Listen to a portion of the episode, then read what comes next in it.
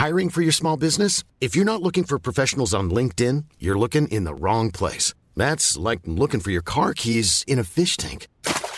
LinkedIn helps you hire professionals you can't find anywhere else, even those who aren't actively searching for a new job but might be open to the perfect role. In a given month, over 70% of LinkedIn users don't even visit other leading job sites. So start looking in the right place. With LinkedIn, you can hire professionals like a professional. Post your free job on linkedin.com slash people today.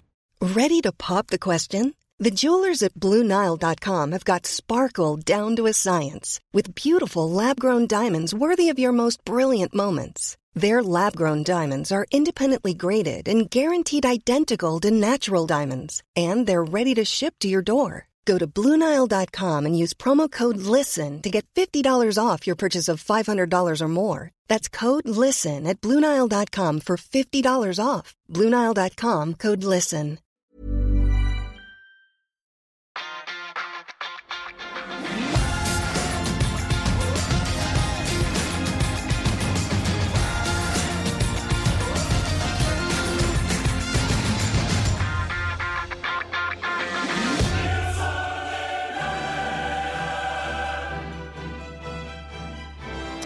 Ja, dette syns vel jeg kanskje var litt i overkant tidlig, Eivind. Han har lagd en ny trudelutt. Uansett, vi holder ikke hviledagen hellig. Manchester United tok et kvantesprang i retning Champions League med 1-0-seier over Aston Villa. Fredrik og jeg er litt eh, mer nedpå enn eh, Holt, som er vår kapellmester.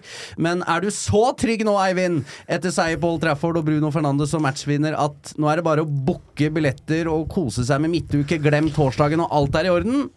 To store seire i helga. Den ene var jo 1-0 mot Aston Villa. Den andre, og enda større, var at Fruktnøtt knuste mokkabønner på i avstemninga vår. Så det har jo gått litt over stokk og stein mens du har vært borte, Jon Martin, men vi skal få det inn på riktig spor igjen nå, eh, som du er tilbake. Eh, men ja.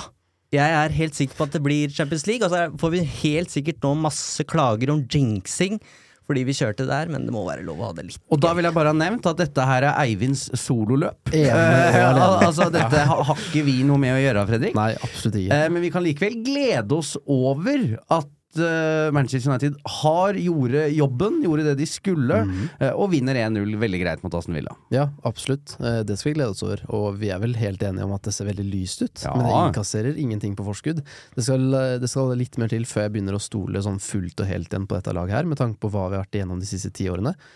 Men eh, samtidig faktisk veldig imponert over United i går, eh, av flere grunner. Jeg vet ikke om jeg skal begynne å ramse det opp allerede nå, eller om jeg skal la andre slippe Begynn, du. Jeg kan godt begynne. Fordi eh, de eh, United får et par ganske harde slag i trynet mot Tottenham med den opplevelsen de har eh, så sent som torsdag kveld. Eh, og vi vet hvor slitne de er, både i hodet og i beina. Eh, de møter et topplag, Paul Trafford, som ikke har tapt på ti kamper. Som eh, Vi har snakka om Una Emery-tabellen lenge nå. De kommer til Old Trafford og ser ganske ufarlige ut veldig, veldig lenge. United, de har struktur. Vi, vi klager at de kanskje ikke klarer å drepe kampen og ikke skaper så mye at det bare blir 1-0.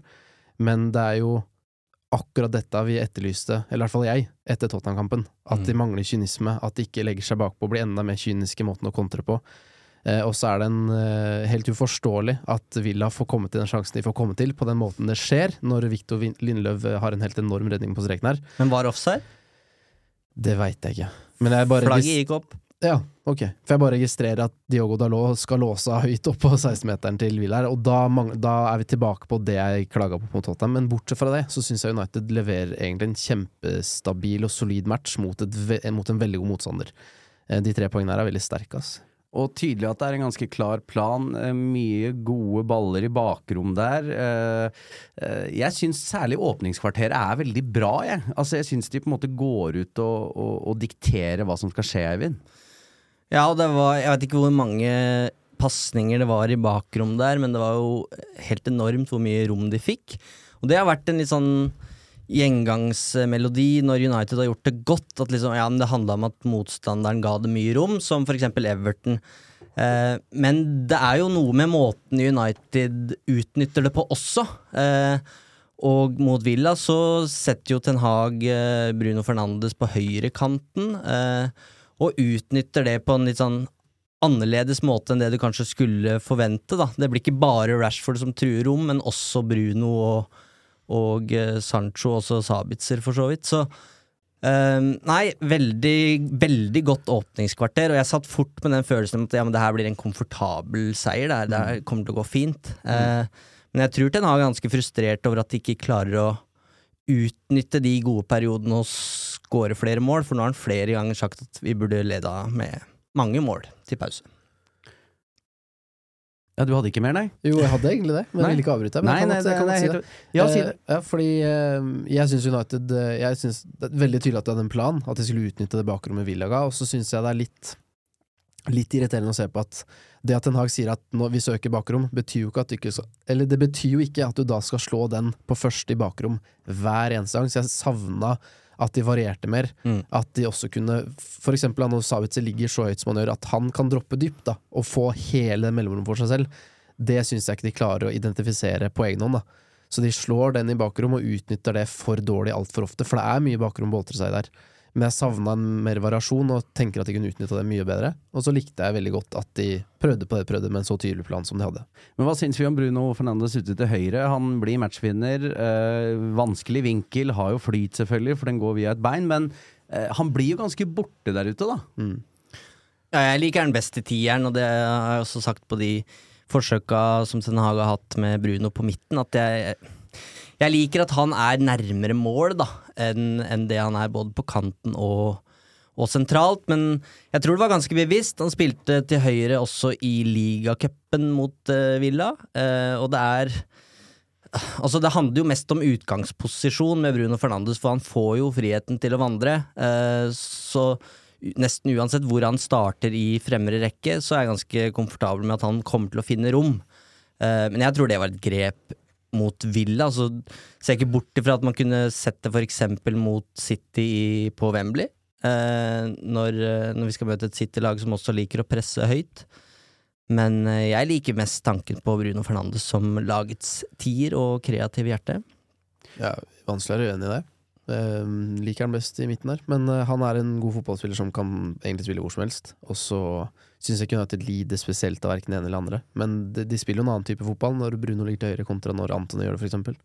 Casemiro, da. Uh, lade børsa to ganger. Den ene i tverrligger og et annet tung variant, som også kunne endt i scoring. Eh, litt andre takter fra han og Eivind. Ja, han har hatt en dupp, som vi har vært innom uh, her, etter at han uh, måtte stå over mange kamper igjen. Jeg kan stå fram som en uh, skeptiker. Jeg var ikke 100% overbevist da, da jeg skjønte at det var Casemiro som skulle komme inn istedenfor de Jong. Det var jo så Altså, vi, vi trengte liksom de Jong så veldig. Han skulle være den siste brikken. Og jeg så ikke helt at Casemiro skulle Det var i hvert fall ikke en like for like. Eh, men Casemiro har vist seg som en mye mer eh, komplett fotballspiller da, eh, i Premier League enn det jeg var klar over, i hvert fall. Og jeg syns vi ser det igjen mot Aston Villa. da. Og én ting er den defensive tryggheten, men han bidrar i langt større grad offensivt eh, med å skape en rytme i spillet til, til United, og det, det trengs eh, ved siden av Eriksen og, og Bruno der. Vi snakka om det i forrige episode, at det, vi må passe oss litt på å skille mellom er en karriere på hell, eller er du inne i en liten formdupp, eller har noen Mm. svake kamper. At vi må være forsiktige med å avskrive noen bare fordi han har noen svake kamper. Og i Casemiros tilfelle så trodde jeg det handlet om at han sleit med å finne rytmen, og at kanskje rett og slett fått seg en mental smell etter å ha følt seg urettferdig behandla på den måten han har gjort. Så ikke overraska at han slår tilbake såpass som han gjør i går, men uh, veldig gledelig å se, selvfølgelig. Men du får jo også en dupp uh, ganske Altså, du kommer jo helt ut av tralten. Vi snakker jo om mange matcher han har mista på kort tid, øh, når du like, ikke er skada. Og det er jo en krevende øvelse, det òg. men øh, det er et midtstopperpar her som jeg må si tidvis briljerer. Uh, Harry Maguire har blitt uh, slakta, med rette, for dårlig ballbehandling. Og så ser de jo egentlig at Victor Lindløv er på et helt annet nivå hva angår øh, ballbehandling, Eivind. Ja, og det syns jeg har vært litt sånn undervurdert lenge. Eh, hvor god Lindløv er med beina. Han har hatt mange gjennombruddspasninger fra de bakre rekkene han de siste åra, altså. Eh, og så har han hatt minst like mange stopper, eh, stopperpartnere, selv om det har vært Maguire i det siste. De siste sesongene. Så han har virkelig stått fram uten Maguire, eh, og så er jeg ikke helt overbevist om at han og Shaw Om at det er de vi skal vinne Premier League. Eh, Altså at de kan vinne, være et sånt Premier League-vinnende stoppepar, men, men det de gjør nå, eh, som vikarer, det, det står det respekt av. Vanvittig imponert, det. Eh, og det er, mange, det er ikke mange lag som kan skilte med fire så gode stoppere. Eh, så når Luke Shaw og Lindløv nå spiller sammen, så føler jeg meg trygg. Eh, de har gjort savnet etter eh, Varan og Martinez ganske minimalt, og det er vanvittig imponerende i seg selv. Vi fikk et spørsmål på Instagram etter Tottenham-kampen, hvor jeg tror Andreas Fjellvang som sendte spørsmål, lanserte at United trenger egentlig mer en ny venstreback enn de trenger en stopper. Fordi at Luke Shaw kan fint spille stopper, og når han, ikke, når han spiller stopper, så trenger de egentlig en forsterkning der ute. Og da kan vi godt si at Jeg syns Malaysia hadde en kjempegod kamp eh, i går, men timinga på torsdag var nok bedre enn akkurat nå. Eh, men Luke Shaw som stopper er eh, Han har veldig mye av de ferdene som trengs altså for å spille der. Eh, og så har det sett litt tynt ut når han da må, må inn dit. Eh, Dalot har jo vikarert fint, og Malaysia med vekslende hell. Men eh, jeg har gått rundt og nynna på Du gamla, du fria, etter at, eh, etter at Victor Lindløf har kommet inn på laget. Eh, ja, han Jeg trekker på en måte tilbake alt den, det kritiske og kritikken jeg har tatt, ta, hatt mot han tidligere, fordi han Det er, er mye bedre enn jeg høre. Trodde. Han, ja. Ja, men det er jo en gave for Ten Hag, dette her, uavhengig om du skal kjøpe ny venstreback eller ikke. At Du, si, eh, Du veit at uh, Varan har tidvis eh, skadeutfordringer, det har, du, har vi sett denne sesongen her. Eh, det at han bare kan kjøre inn et nytt par, punktum. Liksom. Disse to funker sammen. Uh, og du er jo, uh, det ser du jo på, på vinnerlag, du må ha fire gode stoppere. Uh, og, og Luke Shaw eh, er jo det blir spennende å se hva slags spiller Luke Shaw kommer til å stå igjen som når den kontrakten her er fullført. Eh, da, da vil han melde seg på en eller annen diskusjon. Eh, han vil jo ikke sitte igjen med like mange trofeer som Dennis Irvin og Patrice Evra, det er faktisk fysisk umulig. Men eh, vi begynner å snakke her, altså. Mm. hvis, hvis dette her fortsetter. Og det er jo ingenting som tyder på at det skal stoppe.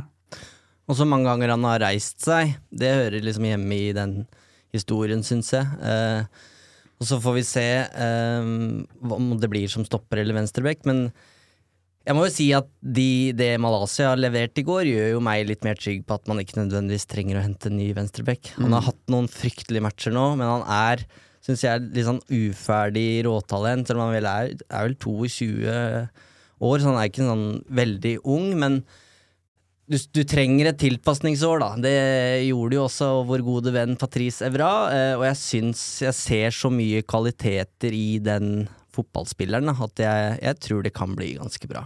Om ikke førstevalg, så liksom godt nok. Mm. Men du understreker jo bare det med Casemiro, at vi begynner å snakke Å, shit, er beinet hans uh, gone, som de sier der borte. Eh, og med Malaysia, noen få dårlige kamper, så er det liksom Nei, vi må, vi må ha en ny venstreback, eller han er ikke god nok. Mens eh, tok ikke lang tid før han uh, i starten av sesongen ble hylla som et røverkjøp, og Mm. wow, så bra han var. Så det er den derre Du kan nesten ikke ha en svak prestasjon United uten at det blir konkludert med at du er for dårlig eller må ut eller må forsterkes. Det, Det det er- skal gå litt opp og ned. det må, vi, det må vi tåle, og det syns jeg er viktig at vi er gode på her i podkasten. Fordi vi kan ikke holde på sånn som det er i sosiale medier, at han må selges fra han spilte i Nordkamp. Absolutt, og jeg, jeg syns han ser altså Det er som dere er inne på, det er noen rågreier her som ser så bra ut. At, eh, at Manchester United skal kjøpe en ny venstreback i sommer, syns jeg høres helt fjernt ut. Uh, og, og det å måtte kjøpe en ny venstreback fordi Luke Shaw funker bra som stoppevikar, Ja. er også litt søkt for meg. Jeg vil heller bare se på det som en, en kjempegreie at, eh, at Ten Hag har funnet det. For hvis Manchester United nå skulle fullført med Maguire og Lindeløf, så hadde dette her blitt ekkelt. Eh, så, så nei, dette er rett og slett bare et luksusproblem. Ja, men jeg er litt, eh, litt bekymra for eh, Lindløv eh, når det gjelder fremtiden hans. For jeg er ikke sikker på om han vil akseptere å være et andre- eller tredjevalg bak Martinez og Varan. Um, Det er jo det han har gjort fram til nå. Ja, og han blir jo mer og mer verdsatt fordi han viser mer og mer sin klasse. Eh, og det fremstår mer og mer åpenbart at det er Maguire som skal ut, og at Lindløv eh, ønsker at eh, klubben ønsker å beholde han. Men jeg er ikke sikker på at han Kanskje han er i en posisjon nå hvor han tenker at jeg har lyst til å spille fast. Mm. Eh, Så jeg er litt redd for at han kanskje ikke ønsker å takke ja til en rolle han blir forespeila i United. Det vil i så fall være et skudd for baugen for oss. Jeg tror han elsker regn i Manchester. Hæ? Jeg håper det. Ja, lever sitt beste familieliv og Ja. Men, men fotballspillere har gjerne lyst til å spille fotball fast, da. Ja, der, der skiller jo meg fra toppidrettsutøvere. Jeg hadde først og fremst tenkt komfort og lønn, eh, og så antall minutter er ikke så viktig. Nei, ikke sant. Eh, Men eh, absolutt ikke. Vi skal gå videre. Jeg har ikke vært her på en liten stund, så jeg lurer på hva du har å by på, Eivind. I love this Ja. Denne Patrice Evra-fetisjen lever, uh, lever videre. Den er ikke borte. Nei, den forsvinner aldri hos uh, Eivind. Uh, siste nytt, eller siste nytt er det ikke, men siden sist. Uh, Garnaccio har skrevet under eh, ny langtidskontrakt med Manchester United, som tidlig meldt her fra nyhetsjeger Fredrik Filtvedt. Blind høne og så videre. ja, ja, ja, ja, finner korn enkelte ganger. Eh, hva, hva tenker vi om at denne omsider er i boks? Er ikke det fint, da? Er ikke det veldig gledelig nytt? Eh, Jeg, så, jeg ble litt sånn bekymra når jeg så at Ten Hag hadde nekta han å reise på U21-VM Argentina. Tenkte sånn, nei, nei, ikke nå før jeg har skrevet under den kontrakten. da. Litt redd for at sånne ting skal bidra til det. Men det virker som de har en god relasjon, og eh, veldig gledelig at han um, har uh, skrevet en kontrakt som gjør at vi har kontroll på han i mange år framover. Pappa skal han bli òg, og da er jo Mm. livet på stell, er det ikke det? Jo, eh, vi får håpe det. Eh, jeg har et klipp her òg, jeg. Ja. Hello, Manchester United fans. Uh, I'm very happy to sign this new contract. Uh, thanks for all the support, and we have to keep working. Beina godt planta på jorda. eh, tar ikke av, men eh, det er bra, det. Men vi er inne om Malaysia. Vi har Anthony, Vi snakker om Garnaccio. Det er aldersmessig eh, en gjeng her som Manchester United potensielt kan ha veldig stor glede av i mange år. Eh, hva, hva betyr det, med tanke på at Eriksen eh, Casemiro, som eh, enkelte har vært innom på, er han, er, ser vi en karriere på hell, eller er det bare en dupp? Men det er en stamme her, hvis du tar med Rashford, som fortsatt er, er ung, som ser ganske grei ut, er det ikke det? Jo, jeg syns det. Og det som nesten er mest gledelig med det Garnaccio, den kon kontraktsforlengelsen der dette, var, eh, altså Han var jo en del av et kull som kom inn rett før brexit. United, som mange andre klubber i, i storklubber i Europa, henta veldig mange utenlandske talenter i løpet av et par somre der. Garnaccio eh, var en av dem. Um, og det er jo gledelig. En ting er at de kommer til Manchester United for å utvikle seg der. En annen ting er at de velger å bli, for det er jo risikoen ved å hente eh, som eh, Altså Garnaccio kommer jo fra Atletico Madrid. Når du henter fra Spania, så er det alltid en viss risiko at de skal tilbake igjen. Og det har det vært snakk om her eh, med Garnaccio også, at han, han kan forsvinne. Og det var jo litt, eh, litt usikkert en stund, før Fredrik meldte at eh, han kommer til å bli. Eh, Da er det trygt. da er det trygt. Eh, så, så jeg tror internt i Manchester United så ser de på det her som en kjempesignering eh, og en tillitserklæring på at et av verdens største talenter, for det er jo det, ønsker å bli værende på Carrington for å utvikle seg videre der. Eh, og som du sier, Martin, er, han er jo en del av et yngre kull egentlig i den førstelagsdalen, som, eh, som er veldig spennende. Det som, er, eh, det som gjør at jeg ikke tar helt av her, er det vi vet fra før av, eh, og som har vært eh, omtalt av både Ten Hag og Bruno blant annet, er jo disse tingene som har gått på litt innstilling hos han tidligere, og som åpenbart har endra seg, og det med hylle, men som gjør at man likevel er litt skeptisk, for det er en, det er en historikk her, med litt, med litt tull, litt sånn sløvhet på enkelte områder, punktlighet osv. Um, han var blant annet Jeg har blitt fortalt at da United var på preseason-turné, så var eneste grunn til at han ikke ble sendt hjem fordi United var på andre siden av jordkloden. At det var det som på en måte Det er så lang hjemreise at greit, du får være her nå, liksom. Eh, og så har jo spillerne og Ten Hag stått fram og sagt at det har endra seg. Heldigvis. Kjempefint. Men da vet du at dette er en gutt som trenger å bli fulgt opp, da. Eh, så talentet med beina, ferdigheten her, eh, ingen tvil om at de er toppklasse og potensielt verdensklasse på sikt. Men det gjør at man blir litt sånn Har han, har han hodet til å komme helt dit han faktisk kan? Ikke helt sikker. Jeg håper det. Og det er jo fort gjort å glemme ofte det der og, med unge folk, da. Mm. Jeg husker jo sjæl. Altså, det, det er jo eh, Vi har alle gått i klasse med folk eh, som er ulike. Vi har alle hatt perioder i livet hvor vi har vært mer eller mindre disiplinerte. Så eh, jeg føler også at det er en tillitserklæring til Erik Den Haag. Da. da Det er som du sier, Eivind, det har vært veldig enkelt for Garnaccio å tenke Vet du hva, jeg vil ha Barcelona allerede Real Madrid. Man gjør det ikke. Og det, det syns jeg både klubb, manager og spiller skal ha kudos for, da. Absolutt. Og så tror jeg det kan komme mer eh, fra det kullet etter hvert. Eh, det er ikke alle som kommer til å slå igjennom, men eh, Kobe Mainou har jo vært på benken et par ganger. Og det er vel det generasjonsskiftet jeg er mest spent på. At ja, vi har noen unge vinger og litt sånne ting, men eh, Eriksen og, og Casemiro, det fungerer eh, veldig godt nå. Eh, Eriksen, Casemiro og Bruno har vel nå 20 matcher. De har starta sammen for Manchester United denne sesongen her. De har ikke tapt en eneste én. Vunnet 16 av, av 20. Eh, men hvem skal inn der etter hvert? Og der, eh, det, det kan være Maino, men det, det er jo eh, det vil, det vil tiden vise. Men det er i hvert fall ting å jobbe med der, så blir det spennende å se hvordan Erik Ten Hag velger å utvikle de her. Om de skal på lån, eller om de faktisk skal få sjansen som Garnaccio. For det er ikke så mange av de som kan gå rett fra eh, U21-ligaen til Premier League. Og du er inne på statistikken her. Vi må bare da kjapt uh, Mye kritikk av Erik Den Haag i måten særlig de bortekampene i toppoppgjørene har vært. Eh, slitt litt med inngang, få det til å funke. Men den statistikken på Old Trafford, gutter, der er det lite å melde. Ja, Åssen ser den ut nå? Hvor mange kamper er det uten tap? For det har blitt et fort igjen. Det veit jeg ikke, men det er ett lag i de største ligaene i Europa som har sluppet inn færre mål enn United på hjemmebane den sesongen her, og det er Barcelona. Åtte baklengs, de har vel nå ti clean sheets på de 13 siste, og med tanke på at dette er en del av de matchene faktisk er uten Martinez og Varan, så er jo det kruttsterkt. Og jeg syns den koden har jo definitivt en Hag knekt, da. Hvordan vinne og dominere på hjemmebane. Det er det han snakker om så mye. Vi skal dominere og kontrollere de matchene. Og så tror jeg han jobber veldig hardt med å løse det også på bortebane, men det er nå veldig trygt på Old Trafford, øh, og det Det er en stund siden man har sittet med den tryggheten der, da. Jeg, skulle gjerne ha tallene før jeg sa noe, men jeg kommer bare på Brighton, som jeg tapte, og Real Sociedad i Europa League. Det er de tapene jeg kommer på. Eh, og så kan det være flere her. Men jeg mistenker at det er ikke Hvis det er flere enn de, så er det ikke mange. Eh, så det har blitt et fort, og vanvittig imponerende at han har klart å gjøre det. For det er det ingen av hans forgjengere som eh, klarte. Men eh, dere, sommeren er ikke bare tur til dyreparken og unger som har lyst på is. Det er også handling som står for tur. Og vi skal prate litt om det etter at Eivind spiller av dette. Uh, I just love United.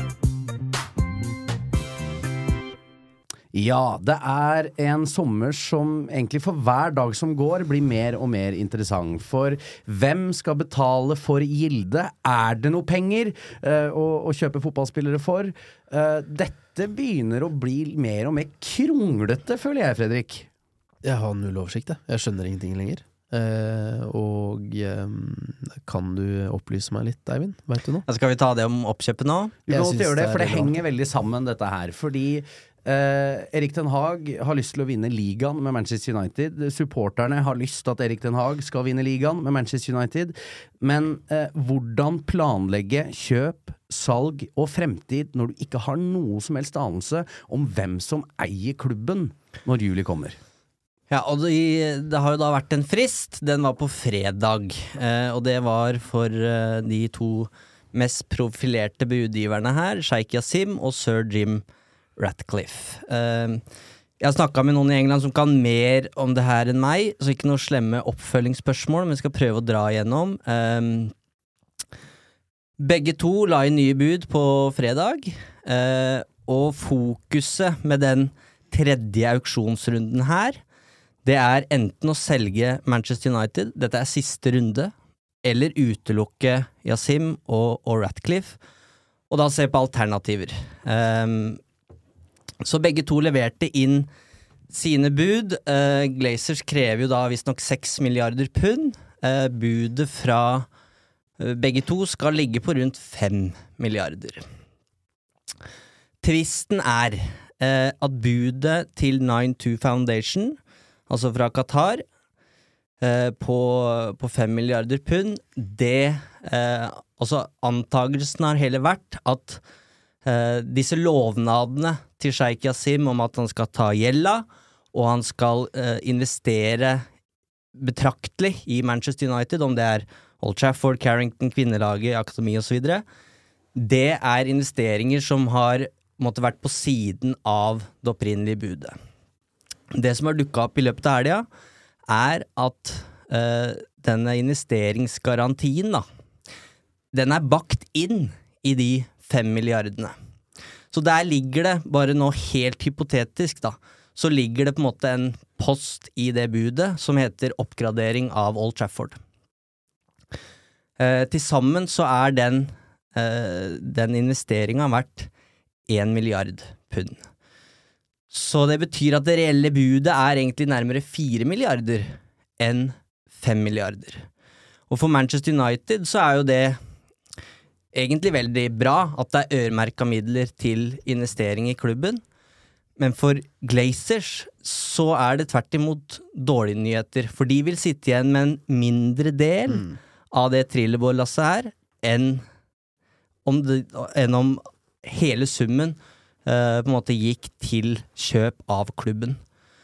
Ehm, og bare for å uh, Salget av Chelsea, da, så var Abramovic veldig opptatt av Eller det var helt avgjørende for han at en ny eier var såpass eller hadde såpass midler at han kunne investere i, videre i klubben og støtte klubben inn i framtida. For, for Glazers så de vil jo bare ha mest mulig penger i sin lomme, og så stikke til, tilbake til USA.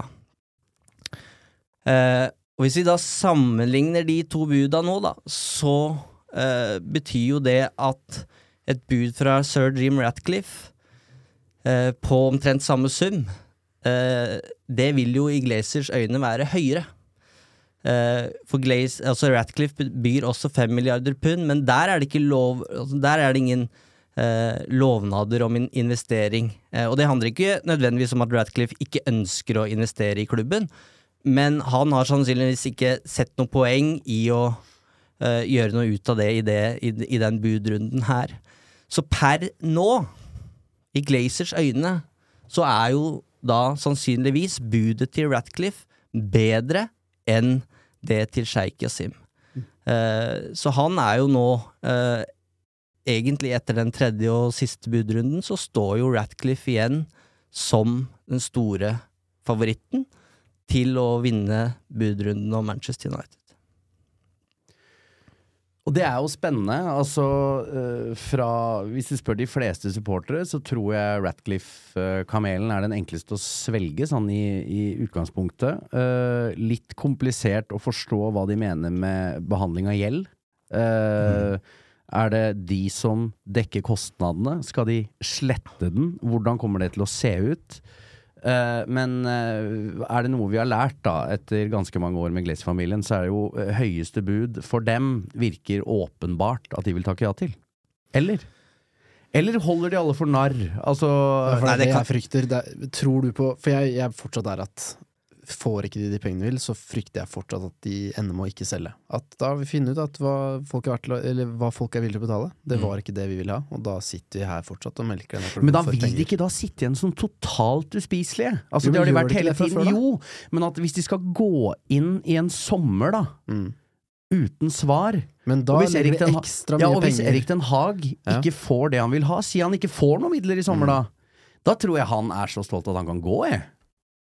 Og det tror jeg også, absolutt. Men jeg tror at hvis Glazers først, når de skal stille en storm, så er det sånn ja, ta 100 millioner pund det overgangsvinduet her, da. Kjøp, kjøp Kane, da. Så roer supporterne seg ned, og så får vi litt mer eh, så, så har vi litt mer tålmodighet med supporterne. Fordi de er, de er hata i 18 år, de. Og de bryr seg ikke om det. Som de jeg, jeg, jeg, kan heller ikke skjønne at de skal tørre det. Men det, det er ingenting som ville overrasket meg med dem lenger. Og jeg har ikke noe kunnskap til det, jeg sitter med en frykt, oppriktig frykt, om at de ikke skal selge. Det det snakkes om litt nå, er jo denne summen som de har krevd eh, på seks milliarder pund. Eh, og det snakkes jo nå om at de kanskje er villige til, eller sannsynligvis er villige til å gå ned til en sum mellom 4,8 og 5,6 eh, milliarder. Og da nærmer man seg jo litt, da.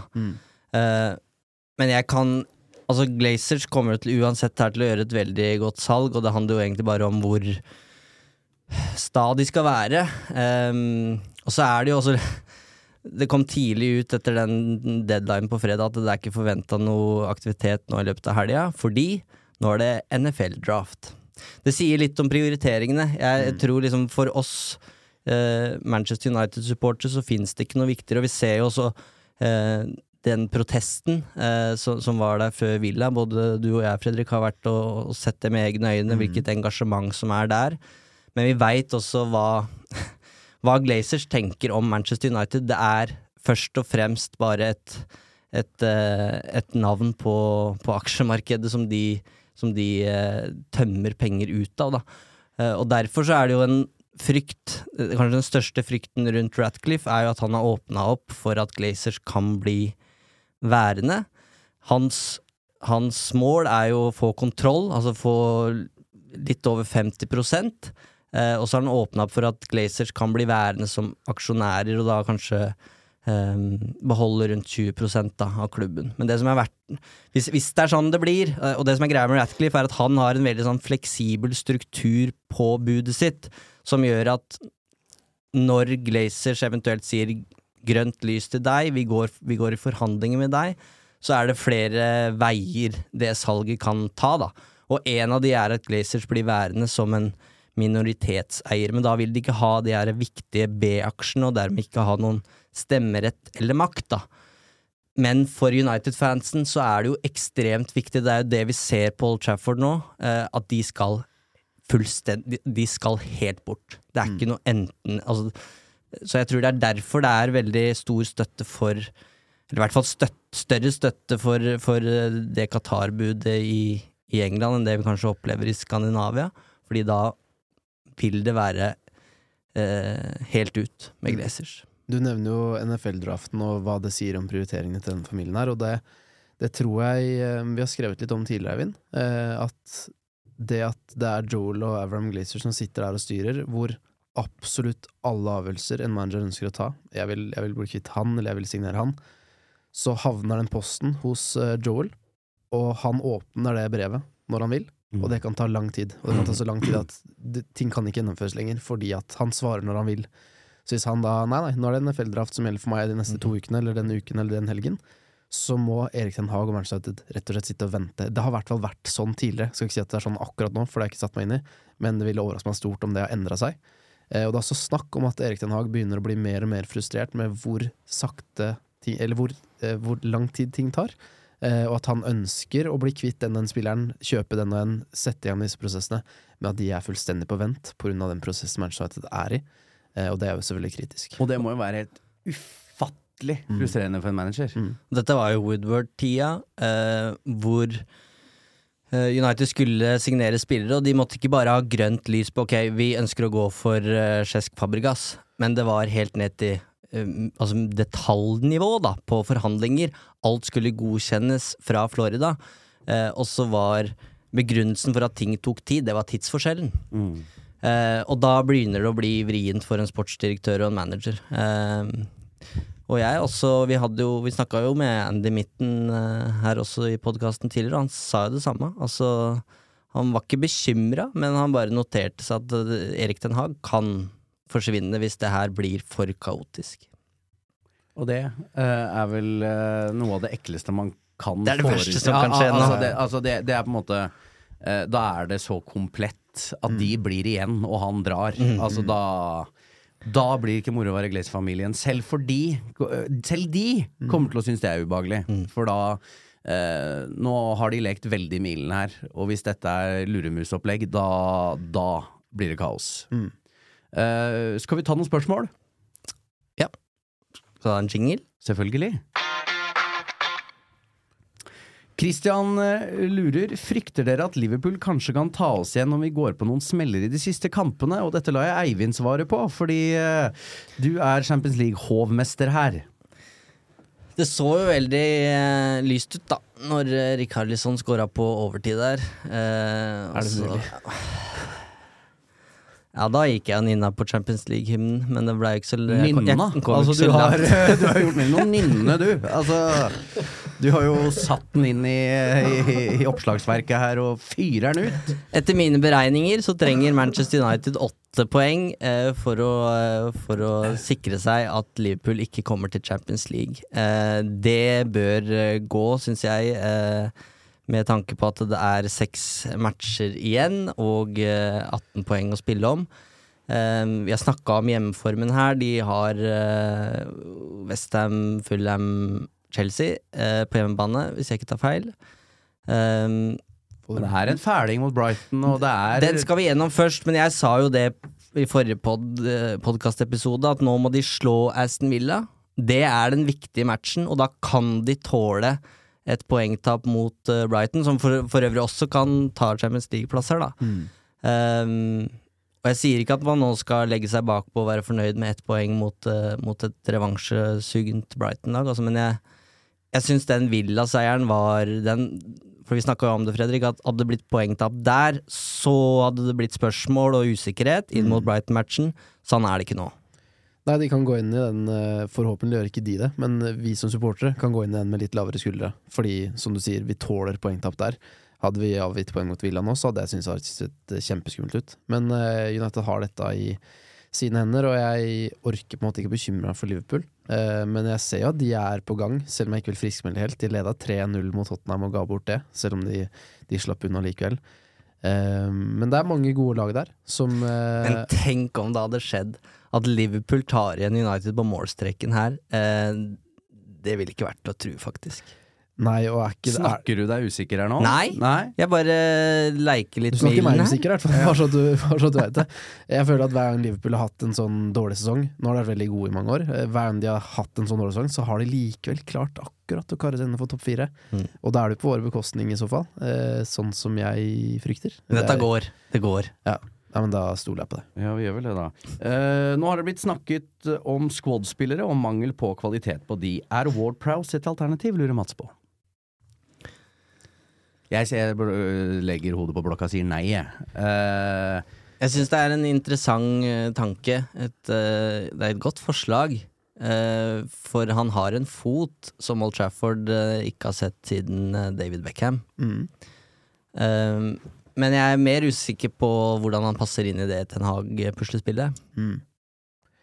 Jeg vet heller ikke, men jeg syns det er mange navn etter hvert på disse klubbene som er i nedrykksstriden, som jeg tenker at hm, kanskje de kan komme inn her og spille en rolle som en rotasjonsspiller. Eh, jeg har blitt veldig svak for Philip Billing på, på Bournemouth. Eh, Lavia på Southampton. Uh, War Prowse er jeg svak for. Uten at jeg vet om dette er spillere som passer inn, så er det sånn det var forfriskende om jeg dro opp en sånn hatten en gang også. Ikke bare disse store navnene som ryktes til en hel sommer. Bare ja, nå, nå snappa vi Lavia fordi han er god og blir billig fordi det rykker ned. Ehm, og War Prowse er en annen type spiller igjen fordi han er mer etablert og han har vi kjent om lenge.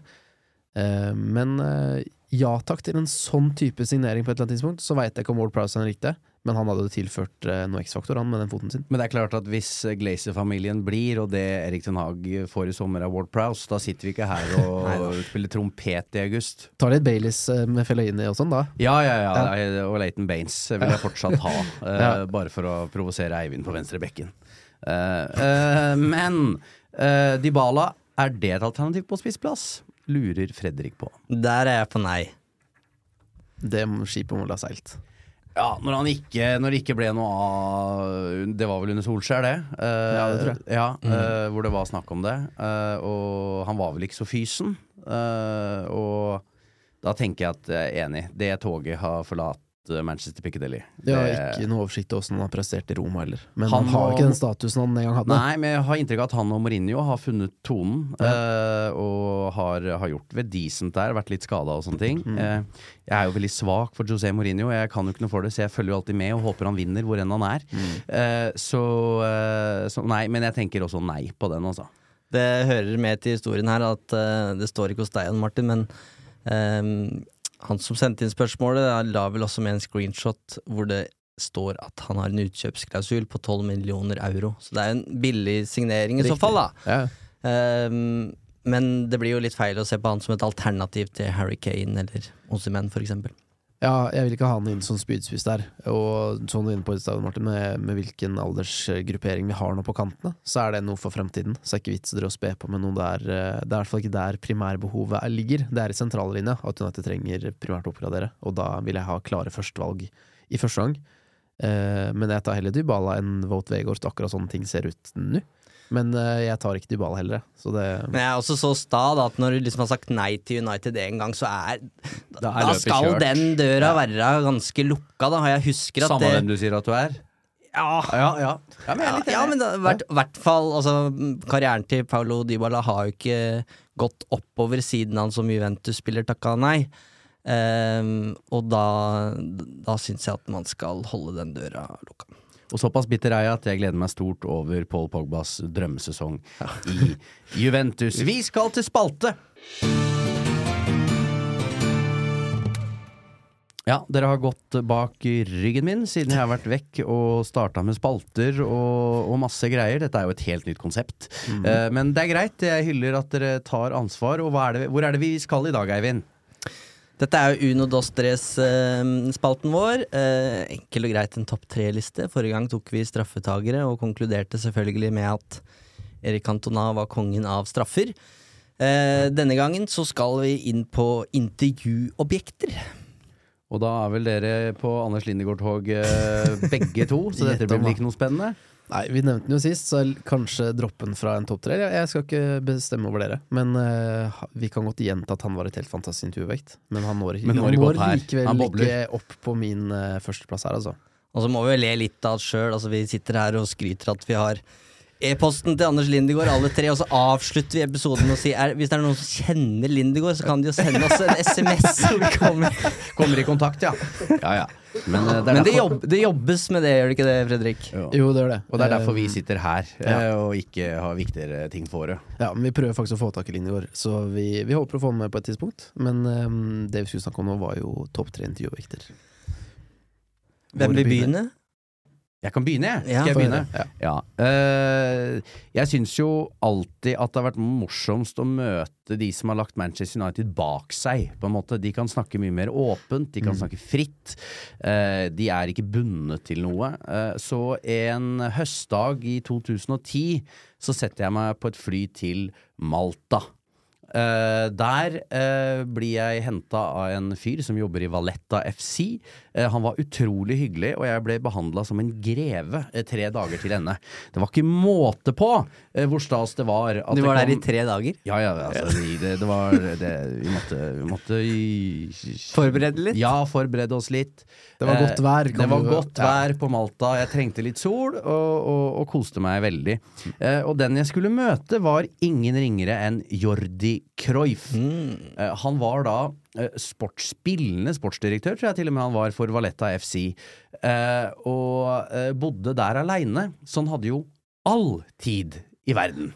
Eh, så vi møtes på et utrolig fasjonabelt eh, hotell, eh, og han forteller alt. Altså, han snakker om oppvekst med far, hvor vanskelig det var å ha Johan Cruyff som pappa. Eh, røper hvorfor det sto Jordi på drakta hans, og, og ikke Cruyff. Hvorfor sto det da? Det var Presset? fordi at faren hans hadde eh, enerett på det eh, Cruyff-navnet i kommersielle sammenhenger. Okay. Det skulle Sønnen sønnen fikk ikke lov til å spille med Cruyff. Uh, og han syntes det var noe ordentlig dritt å bo i Manchester. og han, han la liksom ikke mellom noe som helst, og samtidig som han var utrolig hyggelig. Uh, og etterpå gikk vi ut og drakk vin, uh, og spiste tapas. Det er et godt tegn. Og, og, og hadde det rett og slett kjempekoselig. Og etterpå var jeg med på tre Jeg var ikke med på trening, men jeg fikk se Fikk på, se på. Samtidig er nivået på Malta at jeg ikke så kunne jo nesten ha vært med på trening. Uh, men han var rett og slett en gave, altså. Eh, og var også veldig selvkritisk til måten han var på i Manchester United. At han var en umoden rebell, kalte han seg selv. Han stilte spørsmål ved alt. Så det å se han nå uh, på en måte tatt litt sånn uortodokse veier, uh, men har jo kommet seg langt av sted. Han er jo ikke hvor som helst. Han er i Barcelona, han. Eh, og, har, eh, og, og- er åpenbart et veldig klokt fotballhode. Eh, så han står igjen for meg, og litt sånn sier jeg det på trass òg, fordi han ikke er en opplagt kandidat å, å smelle inn i miksen når du skal gjøre opp de største. Så, så Jordi Cruyff smeller jeg inn i potten her. Burde United vært på ballen der, eller? Det kan godt hende. Uh, At er- han og van de Saar? Ja, det, det, det, det klinger i mine ører. Uh, men eh, du, han, han ser jo på seg selv som en katalaner, uh, mer enn noe annet. Så jeg tror han føler seg veldig hjemme der han er nå. Nederlendere og nordmenn går jo visstnok veldig godt overens, så da har du kjent litt på det. Ja, og han snakka også da veldig varmt om særlig Ole Gunnar Solskjær, husker jeg, at, eh, eh, at eh, de to likte hverandre godt. De kom jo samtidig òg, eh, sommeren 96. Eh, og så fikk de ikke like flotte Manchester United-karrierer. Eh, og jeg husker jeg også fortalte Jordi Cruyff at det, det hendte at United-fansen sang, sang hans navn. Det gjorde de i mange, mange år. Og da trodde han er det ironisk, eller? Han trodde Og det. jeg, ba- jeg, sånn, jeg vet ikke helt, Audi, men eh, det, det, kan- det kan hende. Men du, de synger navnet ditt. Ja. Så hva med dere? Eh, nei, vi, i kategorien ikke åpenbare så ville jo Anders Lindegård vært en sånn en, men han har vi jo snakka mye om allerede. Ja, med all mulig respekt, Anders, nå har vi vært eh, Nå, har vi, ja. nei, jeg er ikke redd for å gi Nå må vi vi plass. videre. Det Ja, vi kommer må en egen Lindegård-spalte, Ja. vet du. Eh, for min del blir det umulig å si noen andre enn Sir Alex Ferguson. Uh, for jeg har vært så heldig at jeg rett og slett dulta borti han eh, på Harvard i Boston. Eh, jeg hadde Du, vært du var på skolen, og han Jeg var på skolen. Eh, jeg kan godt ta historien, for den er ganske morsom, syns jeg selv. Eh, jeg hadde vært på Manchester United Soccer Schools med Dennis Irvin, og intervjua Dennis Irvin. Og jeg var helt stoka. Sånn wow, jeg intervjua Dennis Irvin. Så eh, pakker jeg sammen tingene mine, går mot en taxi. Og så skal jeg, jeg tror jeg skal inn på Twitter og skrive sånn Nettopp intervjua Dennis Irvin, sjekk United.no for sak straks, liksom. Og da scroller jeg i tweet-feeden min, og da ser jeg at Rio Ferdinand har lagt ut et bilde. Fra akkurat der jeg står i dette øyeblikk. Så jeg liksom snur meg rundt og titter på hvor, hvor er Rio henne? Så jeg bestemmer meg for at før jeg hopper inn i taxien, så tar jeg meg en runde på, på området der. Og i løpet av ganske kort tid, jeg går rundt et hjørne, så står hele United-troppen der, og Sir Alex Ferguson. Og de, det er sånn tre barn, fem voksne. De er egentlig helt alene. Så jeg tenker bare, nå har jeg muligheten. Jeg, jeg må bare gripe den. Jeg rekker egentlig ikke å tenke. Og Ferguson har vel tre livvakter rundt seg, tror jeg. Og jeg smetter mellom, og han livvakten tar tak i hånda mi og holder meg fast. Men jeg får liksom Ferguson tar hånda mi, så sier jeg hei, Fredrik fra en skandinavisk sportsprogram her, har du tid til en prat? Og da tar Ferguson og sier til vakta bare slipp han, det går fint. Og så sier han ja, selvfølgelig kan vi det. Så går jeg og Ferguson, helt alene, en tur på Harvard mens vi prater. Eh, og jeg avslutter liksom også med at For dette er da Wesley Schneider er høyaktuell for United den sommeren. Så jeg liksom bare, jeg skjønner om du er lei av dette spørsmålet, jeg beklager at jeg spør, men jeg, jeg må bare spørre deg. Hva, hva skjer med Wesley Schneider? Nei, Inter, Inter nekter å selge, så vi får bare se hva som skjer. Eh, og så når jeg er ferdig med intervjuet, så ser jeg at han liksom ser på notatblokka mi, og jeg blir veldig redd for at jeg har sitert en feil eller et eller annet. Så tar han blokka mi, så skriver han 'Best wishes, Alex Ferguson'. Så det er eh, det, det var ikke det mest interessante nødvendigvis, men det at han sier om Schneider, og at jeg går rundt der Bare det å få snakke med en. Ja. I en alder av 18-19 år å oppleve det der, eh, det var helt sykt. Det er klart den slår Jordi Cruyff. Eh, jeg, kan- jeg bare dra en kjapp Ferguson-historie når vi først er i gang? Eh, Jeg var jo dekka sommerturneen i 2010, var det vel. Da United, og jeg så United i Philadelphia, Kansas og Houston. Eh, og gode gamle Paddy Crerran og jeg har alltid vært gode venner. Og Eh, og jeg ser den første treninga til eh, United i Philadelphia. Der er det bare inviterte, liksom. Det er presse og noen ytterst få andre som får se hele den treningsøkta. Så står Paddy Creran og snakker med Sir Alex nede på indre bane, og så får Paddy øye på meg. Og jeg er en fyr som sjelden blir brydd, sjelden blir flau.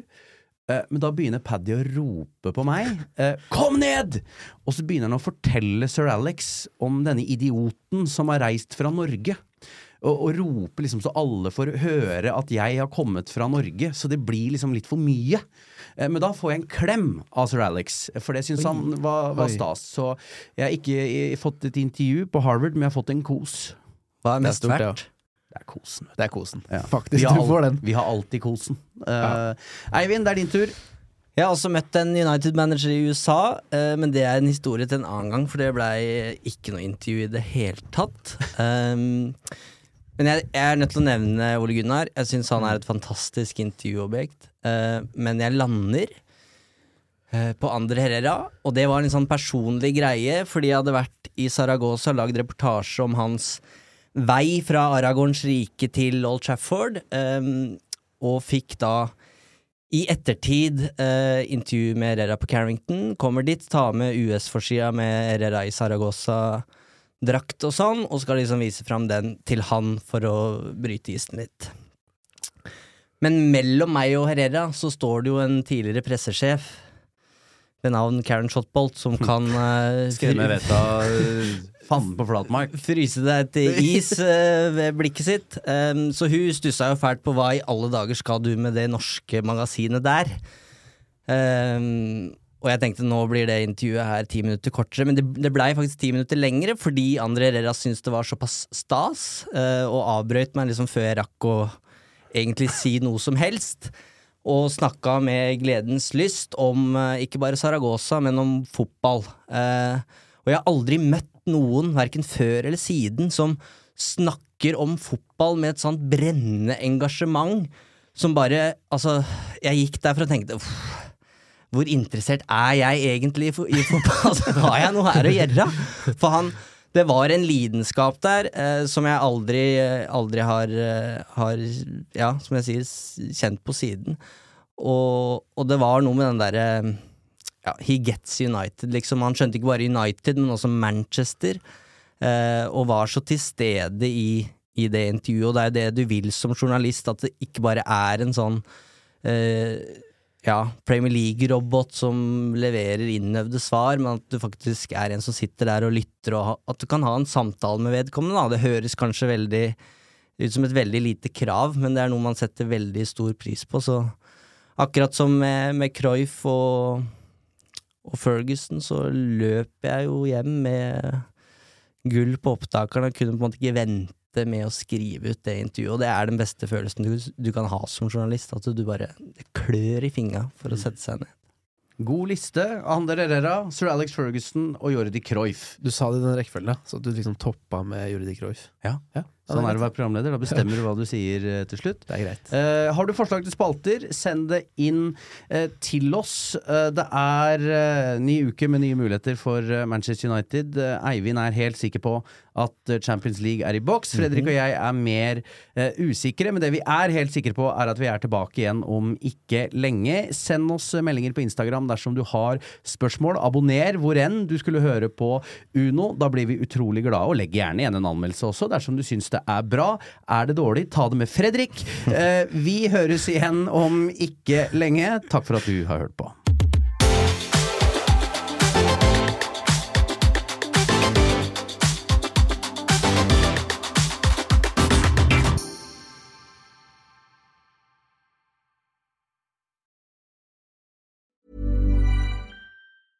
Mom deserves the best, and there's no better place to shop for Mother's Day than Whole Foods Market. They're your destination for unbeatable savings, from premium gifts to show-stopping flowers and irresistible desserts. Start by saving 33% with Prime on all body care and candles. Then get a 15-stem bunch of tulips for just $9.99 each with Prime. Round out Mom's menu with festive rosé, irresistible berry chantilly cake, and more special treats. Come celebrate Mother's Day at Whole Foods Market.